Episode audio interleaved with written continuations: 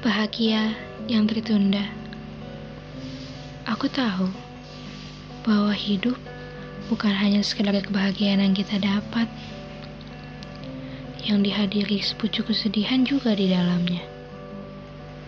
Mungkin yang kita ingin selalu kebahagiaan, tapi itu ego kita. Tanpa kamu sadari, dihadirkannya sebuah kesedihan membuat kita kuat kuat akan menjalani hidup yang jahat ini, kawan.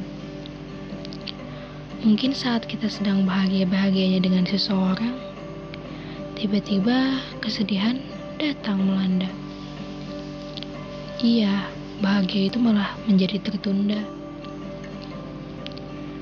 Selalu ku berusaha yakin bahwa bahagia yang tertunda karena kesedihan hadir akan digantikan pula dengan kebahagiaan abadi.